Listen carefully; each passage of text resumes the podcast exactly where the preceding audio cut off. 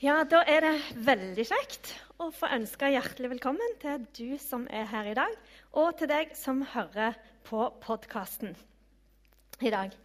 Eh, vi kom til siste talen i serien Utildekka, der vi har snakket om eh, kjærlighet, forhold, sex. Og i dag skal vi altså se på de rådene vi gir videre. Altså hvis jeg var deg, som det heter på min dialekt. Folkens, ekteskapelige råd er utrolig viktige. Og vi bør begynne med dette tidlig i menneskers liv. I Ordspråkene 22,6 står det 'Lær den unge veien han skal gå, så forlater han den ikke når han blir gammel'. Dette verset her kom nok litt brått på mor mi. For når jeg var fire år og lå hjemme med høy feber og betente mandler, så og var skikkelig dårlig, så så mor mi plutselig at jeg ble veldig bekymra i fjeset. Jeg fikk et sånn alvorlig drag over ansiktet, og hun tenkte nå er hun skikkelig dårlig. Nå må jeg eh, av gårde til legen her. Helt til det kommer fra meg, fire år, Inger fire år. Eh, 'Mor, jeg vet ikke hvem jeg skal gifte meg med.' Og letta som hun var over at det ikke var verre enn som så, så prøver hun å støtte meg alt hun kan og sier ja, men du, han nabogutten Arnar Og så svarer jeg helt sanderknust Nei, det er jo det som er problemet, for han skal Inger-Lise ha. Så det å begynne tidlig er utrolig viktig når det gjelder disse rådene. Men uh, denne overskriften eh, bekymrer meg litt. For at jeg tenker at jeg, jeg, skulle liksom vært litt mer sånn krumbøyd, litt mer grått, eh, kort hår. Og hatt litt mer sånn rynker når jeg skal ha denne talen. Og jeg, faktisk jeg liker jeg rynker utrolig godt. Jeg syns det er noe vist over det med når man ser rynker i fjeset. Men mye rynker oser av visdom. Bare se her. Vakkert. Jeg syns det er vakkert. Så lat som om jeg er sånn. Jeg tror mange av oss er i en situasjon der vi kan gi råd i forhold til disse tingene med forhold, med sex og med ekteskap. Eh, enten med foreldre eller besteforeldre, tanter og onkler, eller rett og slett trygge voksne i de unges liv. Derfor trenger vi bevisst å tenke over hva slags råd er det vi gir videre i denne grenseløse kulturen som vi er en del av. Så Enten du trenger disse rådene for din egen del, eller eh, er en voksen i noen sitt liv, så er dette noe som er viktig å ta med seg. Og Jeg har lyst til å begynne å gjenta noe av det som Frode sa forrige søndag. Eh, dette med å Istedenfor å se etter den rette og være på jakt og kikke etter den rette, så begynn å være den rette. Jobb med å være den rette istedenfor. Det tror jeg er den største nøkkelen til, til suksess i et forhold. Eh, enten du er singel, kjæreste eller er gift, eh, eller er i en posisjon på en eller annen måte der du kan gi råd videre, så tror jeg dette er det viktigste og beste rådet vi kan gi. Det er å være den rette og jobbe med å være den rette. For jeg tror at eh, altfor mange eh, forhold går sønder og sammen, knust, eh, ødelagt, fordi at vi hele veien ser og forandrer den andre. Og jeg tror dette er et bibelsk prinsipp òg. Det står 'sett de andre høyere enn deg sjøl'. Det du vil at andre skal gjøre mot deg, skal også du gjøre mot dem. Så Ehm, og det, å, eh, det løftet som vi gjør om å elske og ære til døden skiller oss ad, det er ikke et substitutt eh, for å forberede seg til ekteskapet. Vi lover å elske og ære til døden skiller oss ad. Og så tror vi gjerne at det bare skal gli av seg sjøl. Men det å gifte seg er ikke løsningen på utfordringer. Det er ikke en erstatning for å forberede seg på, på det å leve sammen. Og Altfor alt for ofte så hører vi om folk som hjelper å gifte seg på tross av store utfordringer. Og så tror de, og så håper de gjerne at det, løse, det å gifte seg skal løse det hele. Og sannsynligheten er så liten for at det gjør det. For uvaner og dårlig karakter vil gjerne bare eskalere og bli forsterka etter en er gift. Så Vi skal se på fem råd i dag som jeg tenker at jeg ville gitt til mine unger. Og Min eldste sønn begynner på ungdomsskolen til høsten, så jeg har ikke lang erfaring i ekteskapsrådgivning til mine egne barn. Men jeg har tanteunger, jeg har unge voksne jenter og gutter som jeg har snakket litt med om disse tingene. Eh, og Noen av de viktigste tingene med, med, eller valgene vi tar i livet, følger der ikke bruksanvisning med. Bl.a. det å gifte seg og det å få barn. Så det å prøve å gjøre noen gode forberedelser og lytte til erfarne fjellfolk, som det heter, tror jeg er utrolig lurt. For noen år siden så fikk eh, min mann Alexander og nabokameraten Tord gjerne sin livs største opplevelse. De fikk muligheten til å reise til Ringvassøy i Troms på kveitefiske. Og her snakker vi om tidenes største fiskenerder. Den ene verre enn den andre, og begge to tror den andre er verst. Men dere skulle sett dem i forberedelsene av denne turen. Kveld etter kveld gikk vi til googling, innkjøp, ekspertsøk, spørsmål og mailer rundt til erfarne kveitefiskere. Utstyret som ble kjøpt inn, var av prima vare, beste du får, til akkurat den type fisking. Og de kjøpte til og med en DVD om kveita med tittelen 'Dronninga i dypet'. Og de så denne DVD-en forlengs, baklengs, inn og ut. Og kunne den sikkert utenat. Og det var nesten så de på en måte satt med fiskestengene i stua der og skreik med de som var på filmen, som drog inn den kveita. Ah! Hørte du bare i hele huset. De gjorde alt de kunne for å forberede seg til dette i over et halvt år og de fikk avkastning. Det å gjøre grundige forberedelser gir gode resultater. Det fikk vi bevist her. Og Hvor viktig er det ikke da å gjøre gode forberedelser til de største livsvalgene vi tar i livet? Og Det handler om å skape nemlig en god grunnvalg, godt utgangspunkt. Så Det første gode rådet jeg vil gi, det er og la troen være grunnvollen i livet og forholdet. Troen er det beste og viktigste vi har, så bygg på den. Og se etter andre som bygger på den. Jeg vet at det er et sårt punkt for noen. Jeg vet at noen har gått på kompromiss med akkurat dette. Men allikevel er det det rådet jeg vil gi videre. Og Hjemme hos oss eh, så har jeg hørt min mann si dette til guttene våre flere ganger. 'Gutter, finn dere en kristen jente.' Og De er jo i en alder der de syns dette er helt forferdelig knallflaut når pappa snakker om kjærester og jenter. Men husk at dette er noe vi skal leve med resten av livet. Ordspråkene 9.10.: Å frykte Herren er opphav til visdom. Å frykte betyr ikke at vi skal være redd for Gud, men å anerkjenne at Gud er kilden til kunnskap og visdom at han vil lede oss. At han vil lede oss på de rette stiene. og det å se til Gud hver dag og si 'Led meg, Gud'. Led meg på din vei. Følg meg med din visdom. Følg meg med din ånd. Så date noen som deler troen. Og Hvis du er usikker på om de gjør det, så ta de med i kirka. Ta initiativ til å lese Guds ord sammen. La dette være selve grunnvollen ved alle sider av livet og i forholdet. Alexander utfordra meg på dette for en stund siden. Han foreslo at vi skulle stå litt tidligere opp og lese Bibelen og be sammen. Og nå etter vi har gjort det en stund, ser jeg hvor utrolig viktig det er for oss som enhet med hverandre og med Gud. Det handler om å eh, velge hva vi vil skal prege oss. Eh, og ta litt ansvar for det. Hva, vi vil bruke tida på, hva vi skal prege oss i livet. Rolf Ditlev Kolnes har sagt noe sånt hvis du ikke vet hvor du skal hen, så ender du som regel opp en annen plass.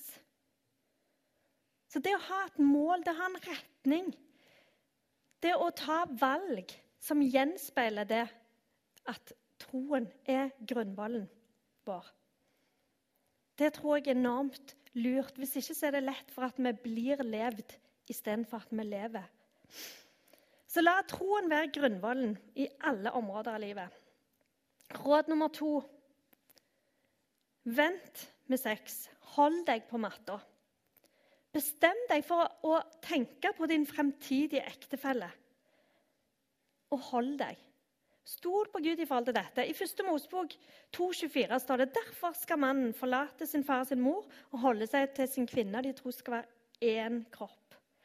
Guds ord gir ekteskapet som ramme for dette, som vi snakket om i den første talen i denne serien. Og Det er ikke for at han ville være skipet med oss eller gjøre det vanskelig for oss. Men det er fordi han har evnen til å se hva som er det aller, aller beste for oss. Han er pappaen som vil beskytte oss. Og når jeg, har, når jeg har gitt råd, eller vil gi råd til unge, så vil jeg gi med all varme og kjærlighet dette rådet. Vent med sex til dere er gift. Og tenk godt gjennom grensene du ønsker å ha. Respekter grensene til den eh, andre, sånn at ikke vi havner i en situasjon der vi faller i fristelse. Men det vi nok kan bli flinkere til i kristne sammenhenger når vi gir dette rådet, vent, det er hvordan vi gir dette rådet. For det mange unge jenter jeg har snakket med, uttrykker en sånn skamfølelse ennå etter de er gift. For det, Vi har snakket om det så mye i Fy skam, fy skam, at det er ikke så lett å bare skru av den skamknappen etter en er gift. Så vi må begynne å snakke positivt om dette, og sunt om det. Og Jeg hørte nylig en herlig måte å sette grenser på.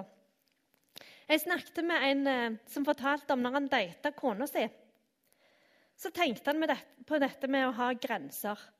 Og han eh, ønskte å vente sjøl til han var gift. Men hovedmålet hans var i hele denne prosessen å ikke sette kjæresten sin i en posisjon der hun kom til å angre på noe. Han tenkte først av alt at hun skulle kunne leve med de valgene de tok, resten av livet, og ikke angre. Og så ville han veldig gjerne klare å vente.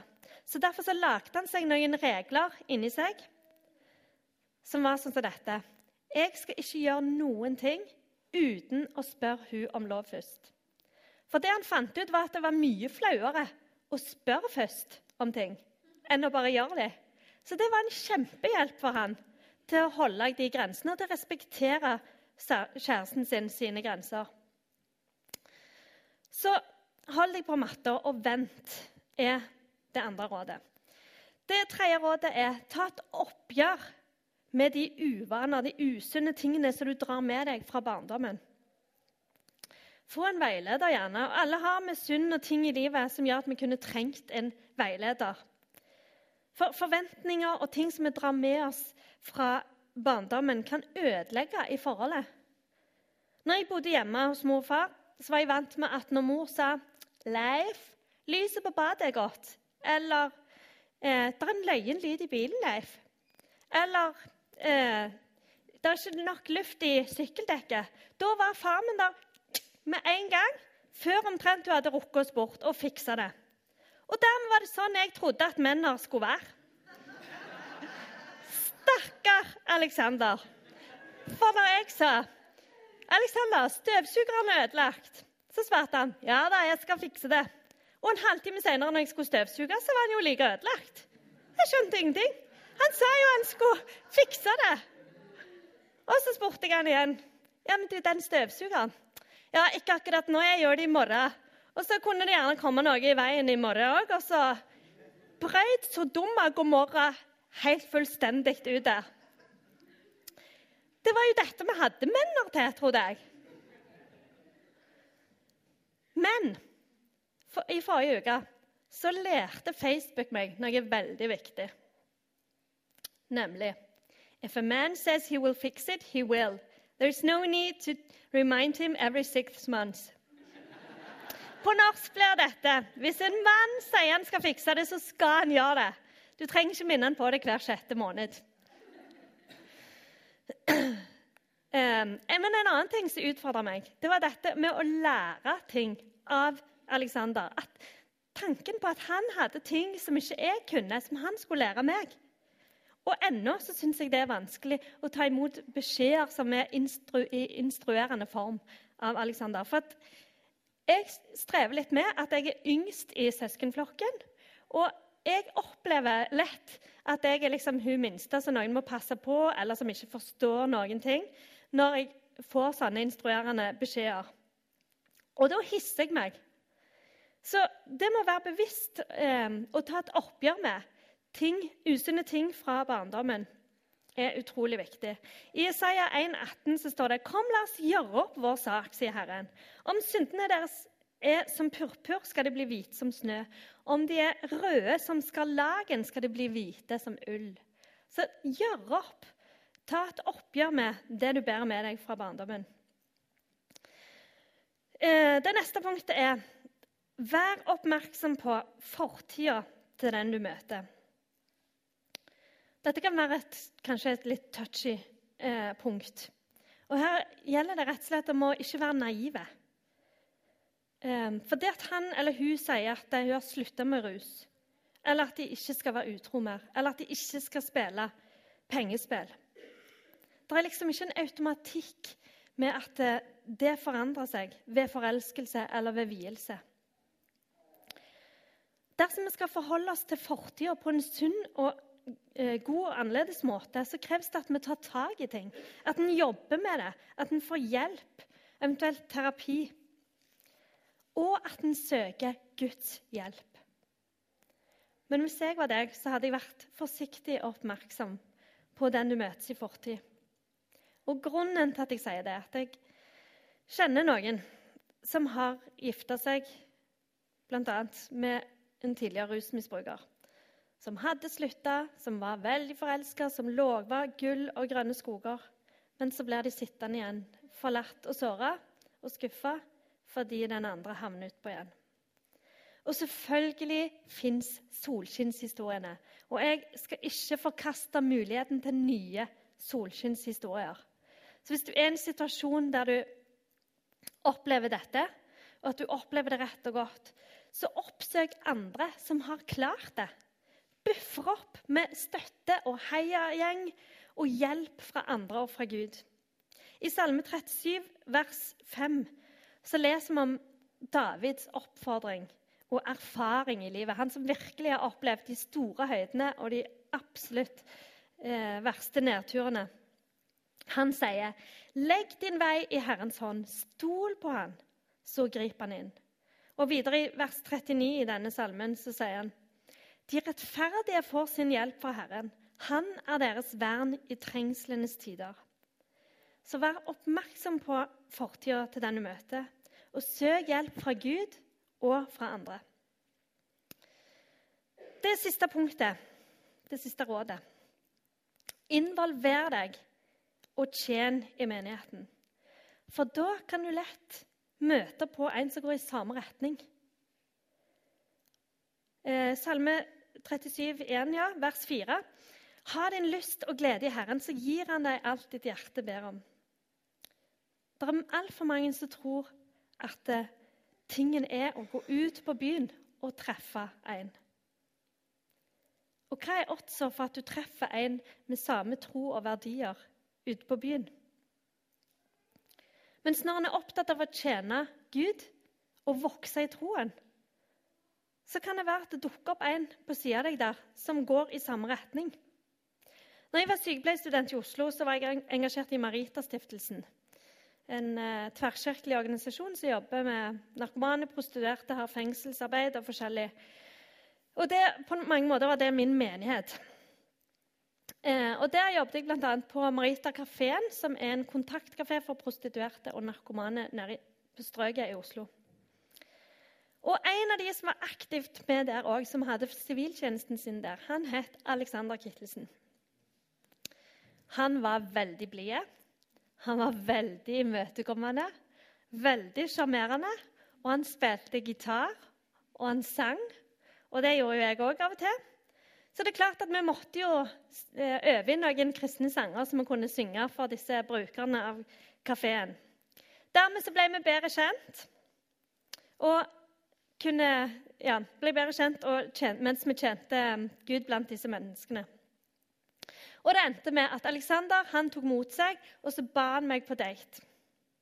Og For dere som kjenner meg, så vet dere at jeg er ganske ekstrovert og liker veldig godt folk. Men på denne første daten med Alexander så sa jeg ikke ett ord på fem-seks timer. Kan dere tenke dere hvordan Alexander har hatt det? Uff a meg. Vi, han tok meg med ned på Aker Brygge. Vi satt der og så utover sjøen. Jeg sa ingenting. Han tok meg med på kafé, der han kjøpte sånn ett kakestykke med to skeier som vi skulle romantisk sitte og dele. Jeg var så forelska jeg klarte verken spise eller snakke. Så stakkar mann, han må ha følt det var verdens mest mislykka date ever. Men iallfall er vi begge glad for at vi eh, traff hverandre i en setting der vi tjente Gud, vi vokste i troen. Eh, for så å oppdage hverandre ut fra det. Og jeg vet Det er ikke noe sånn automatikk i dette. med, og Gjerne er det noen som sitter skuffa og såra fordi de opplever at det, dette ikke skjedde. De tjente Gud med alt eh, de hadde, uten at det dukket opp denne her. Så det er ikke noe automatikk i det, men det er likevel det beste utgangspunktet, tenker jeg. Så, hvis jeg var deg La troen være grunnvollen i livet. Vent med sex til du er gift. Ta et oppgjør med ting fra barndommen din. Vær oppmerksom på den du møter, sin fortid. Og tjen i menigheten. De som vokser opp i dag, de unge, de kommer til å møte alt det motsatte vi har råda til her i dag på utsida. Alt det motsatte så vil du være med og være en som støtter og heier og ber for de unge. De trenger nemlig folk som dere til å være med som støtte, til å hjelpe dem til å holde seg på sporet i alt det mylderet som de møter der ute. En som kan oppmuntre og heie på og hjelpe dem til å gjøre de forberedelsene som de trenger å gjøre for å få best mulig ekteskap. Og vi kan alle være med og bety noe inn i de unge sitt liv. Så jeg har lyst til å utfordre oss som ser på oss sjøl som voksne. Inviter noen unge inn i livet ditt. Vær en åndelig mor, far, tante, onkel, bestemor, bestefar. Og jeg vet at Her er det mange som ruller litt ned og tenker nei, jeg er ikke en sånn åndelig mor. jeg er ikke en sånn åndelig far. Men vet du hva? Du kan det. Du kan være det. For Guds ånd bor i deg når du tror. Du har erfaring. Du har livserfaring. Flere av dere har opplevd én eller to vekkelser. Bibelen har du hjemme. Kanskje må du børste støv av den, men gjør det, da. Du, tror, du er viktig i noen sitt liv. Du kan få lov å bety en forskjell i noen sitt liv. Hvis vi tenker at Gud er GPS-en som gir retningen, som vet hvor vi skal, så kan gjerne du få lov å være stemmen inn i noen unge sitt liv. Som formidler det, som hjelper, som heier og støtter. Skal vi be?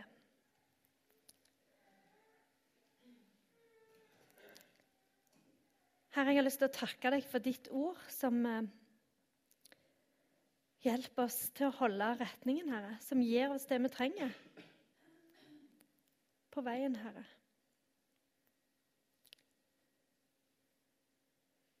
Herre, takk for at du har lovt å gå med oss. Takk for at du har lovt å gi ditt nærvær til oss, sånn at du er med oss i alt, hele veien. Jeg ber om at du skal tale til oss i dag. Enten vi er de unge som trenger råda, eller vi er voksne som trenger å reise oss, Herre, og, og være støtte for de unge. Jeg ber om at du skal utfordre oss.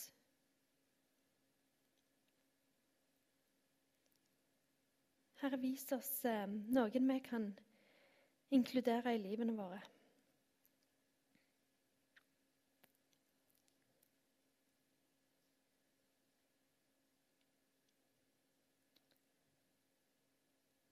Herre, for de som eh, opplever sår eller skuffelser eller nederlag på noen av disse områdene, Herre, så ber jeg om at du skal komme med din nåde og tilgivelse, Herre.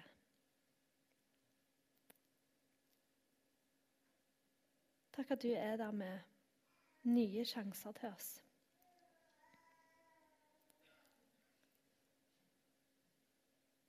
Kom, Hellige